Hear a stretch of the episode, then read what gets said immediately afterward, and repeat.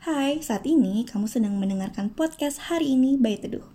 Di podcast hari ini, kita akan banyak ngobrol tentang topik ringan yang ada di sekitar kita dan tentunya berkaitan dengan keuangan kita. Bersama saya Cynthia dan juga Sandra, kita berdua dari Teduh. Hari ini kita akan ngobrolin tentang apa nih San? Hari ini kita akan ngobrolin tentang uh, peran ibu rumah tangga dalam pengelolaan keuangan di keluarganya. Ya, jadi memang ya seperti kita tahu ibu rumah tangga tuh kan perannya banyak banget hmm. dari yang mulai bangun tidur aja udah harus siapin kebutuhan anak ya San ya. Kebutuhan suami, terus ngantar jemput misalnya uh. ada lagi terus sampai uh pokoknya kegiatannya uh, banyak multi, banget. Multiple job ya. Multiple job, multiple apalagi tuh. pokoknya kegiatannya sangat banyak sampai biasanya tuh akhirnya kebingungan uh, sendiri uh, gitu. Betul. Apalagi saat ini nih yang kita mau ngobrolin adalah ibu-ibu rumah tangga yang juga punya mandat tambahan San. Iya, sebagai manajer keuangan ya mbak ya uh, betul sebagai manajer keuangan nah gimana sih supaya si ibu rumah tangga hmm. yang juga punya mandat sebagai manajer keuangan bisa mengelola keuangan hmm. keluarganya dengan lebih efektif oke okay. kayak gimana tuh mbak misalnya uh, pertama-tama kita hmm. mesti tahu dulu sebenarnya tugasnya si ibu rumah tangga yang mengelola keuangan tuh apa aja. Oke. Okay. Kan selain kita udah tahu ya kalau hmm. misalnya selain dari mengelola keuangan kan berarti dia juga punya tugas kayak tugas mengurus lainnya, lainnya, ya. mengurus oh. anak atau mungkin juga sosialita dengan teman-teman dan juga Oh, itu harus ya. Harus ya kan kan misalnya tiba-tiba ada datang Bu RT, "Halo, Ayu, kita punya banyak kegiatan nih di arisan. RT, arisan gitu kan." Jadi banyak kegiatan. Nah, untuk pertama-tama biasanya kalau orang yang ibu rumah tangga mm -hmm. yang menjadi manajer keuangan kan biasanya si suami mm -hmm. memberikan gaji ya gajinya ya gaji. kayak seluruh gajinya ya atau beberapa bagian mm -hmm. yang memang udah dibagi oh nih sebagian buat uh, suami itu sebagian Bagian untuk keluarga keluarganya. seluruhnya nanti mm -hmm. sih ibu akan berperan menjadi manajer keuangannya. Oke. Okay. Nah, tapi setelah kita lihat-lihat mm -hmm. ada beberapa hal yang membuat pengelolaan keuangan buat si ibu rumah tangga ini menjadi tidak efektif oh, gitu. Oke, okay. seperti apa sih Mbak maksudnya tidak efektif itu?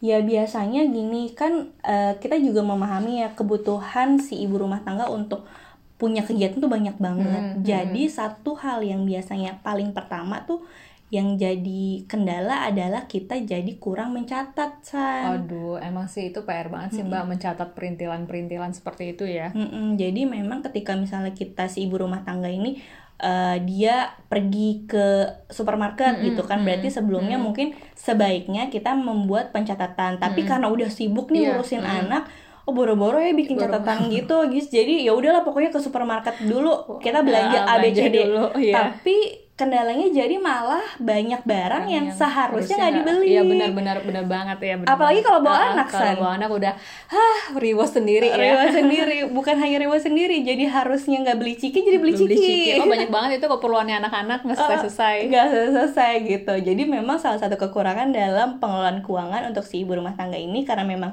kegiatannya banyak, mm -hmm. jadi satu mm -hmm. dia nggak kurang pencatatan. Hmm.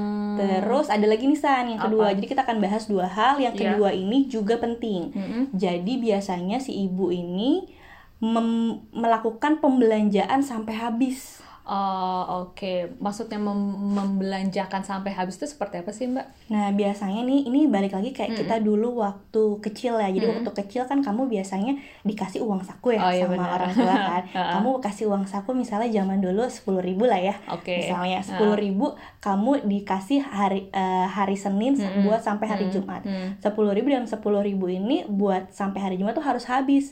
Nah gimana caranya gimana ya? caranya hmm. kan? Nah hmm. si ibu ini biasanya juga akhirnya membelanjakan belanja habis padahal hmm. sebenarnya dan yeah. juga sebaiknya hmm. dalam pengelolaan keuangan keluarga uh, gaji habis itu bukan sesuatu yang baik kita juga harus ngomongin soal berapa banyak yang harus diinvestasikan oh, okay. yang ditabung oh. dan juga yang disisihkan jadi jangan sampai gaji yang dikasih itu adalah belanja habis pokoknya habis dalam bulan itu nah, oh, nah itu iya, iya, iya. jadi tuh ketika suami kita ngasih uang misalnya mm -hmm. gajinya mm -hmm. dan itu kita harus punya pos-pos oh ini untuk operasional mm -hmm. ini untuk misalnya tabungan sehari-hari ini misalnya untuk mungkin namanya dana darurat dan pos yang lainnya seperti investasi seperti itu ya mbak ya ya betul banget jadi memang dua alasan ini menjadi mm -hmm. topik utama uh, kenapa pengelolaan keuangan untuk ibu rumah tangga menjadi tidak efektif. Hmm. Mungkin kita bisa hmm. lihat lagi ke diri kita sendiri. Hmm. Sebenarnya balik lagi ke bagaimana kita bisa buat anggaran. Jadi oh, solusinya okay. kalau kita memang satu uh, kurang pencatatan dan dua hmm. adalah pem melakukan pembelanjaan gaji habis, mm -hmm. solusinya dua hal ini adalah sebelumnya kita buat anggarannya dulu. Jadi gitu. di awal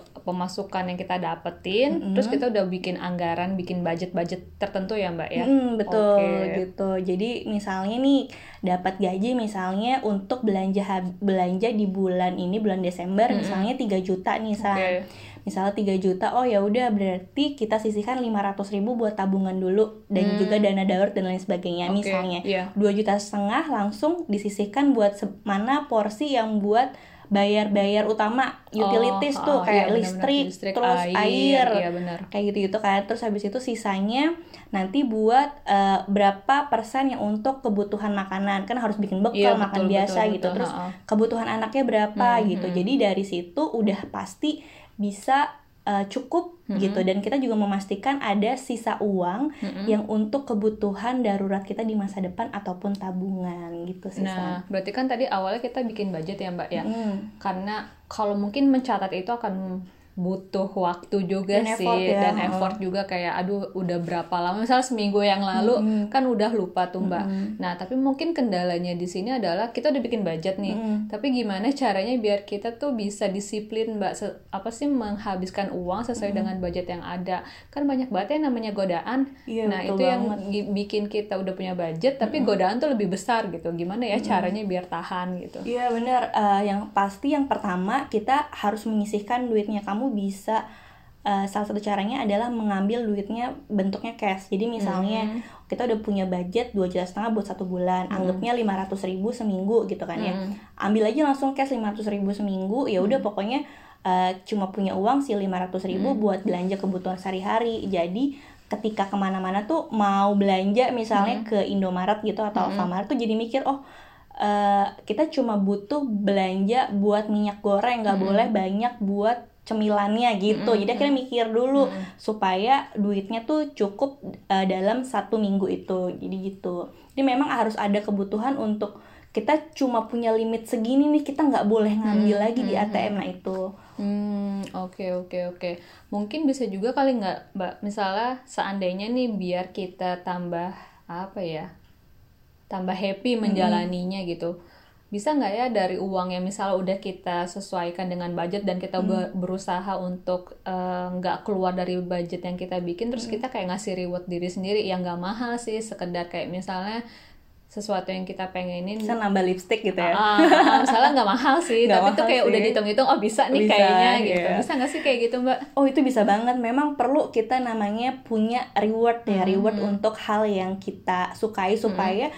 habit yang baik ini hmm. terus uh, ber, berkelanjutan hmm. misalnya anggapnya seperti yang kamu hmm. bilang hmm. tadi oh ya udah deh uh, dalam satu minggu kalau saya berhasil hmm. membelanjakan kurang dari budget hmm. misalnya berarti kita kasih reward misalnya bisa beli lipstick gitu hmm. atau misalnya kita bisa beli uh, makanan yang kita suka misalnya beli boba gitu kan nambah ya kan boleh iya, dong ya, bener, gitu bener, kan bener. bukannya nggak boleh kita makan kopi atau ah, minum ah, tapi ah, yang nggak boleh kan kebanyakan ya, nah bener. berarti dengan itu kita bisa kasih reward oh berarti saya harus uh, on budget supaya iya. di akhir nanti hari Sabtu pergi sama keluarga bisa beli boba oh, iya, gitu. betul betul. Eh namanya juga manusia ya, mm -hmm. nature-nya itu kan ya walaupun kita udah dewasa kita butuh adanya penguatan ya Mbak ya dari perilaku kita. Oke deh, berarti tadi budget ya mbak ya untuk salah satu solusi di ibu-ibu yang mungkin sangat sangat sangat sibuk dengan yeah. kegiatannya baik di rumah maupun di dunia sosialnya. Di sosial ya betul. Uh, kemudian juga harus ngelola duit juga dari suami. Mm biar suaminya juga makin sayang ya. Yeah. Ini istrinya bagus banget jadi manajer keuangan. Pintar ya jadi manajer keuangan Gak usah gitu. nge-hire yang, yang lain yang gitu. Lain Aduh tambah sayang habis ini kasih honeymoon. honeymoon.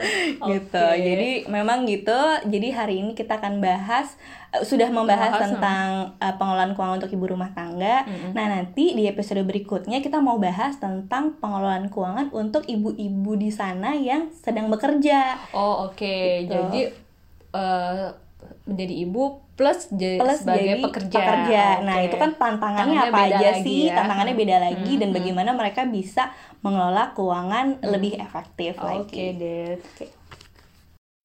Terima kasih kamu telah mendengarkan podcast hari ini by Teduh. Di episode berikutnya, kita masih akan ngobrol tentang topik menarik seputar kehidupan dan keuangan. Jangan lupa untuk sisihkan waktu buat dirimu hari ini.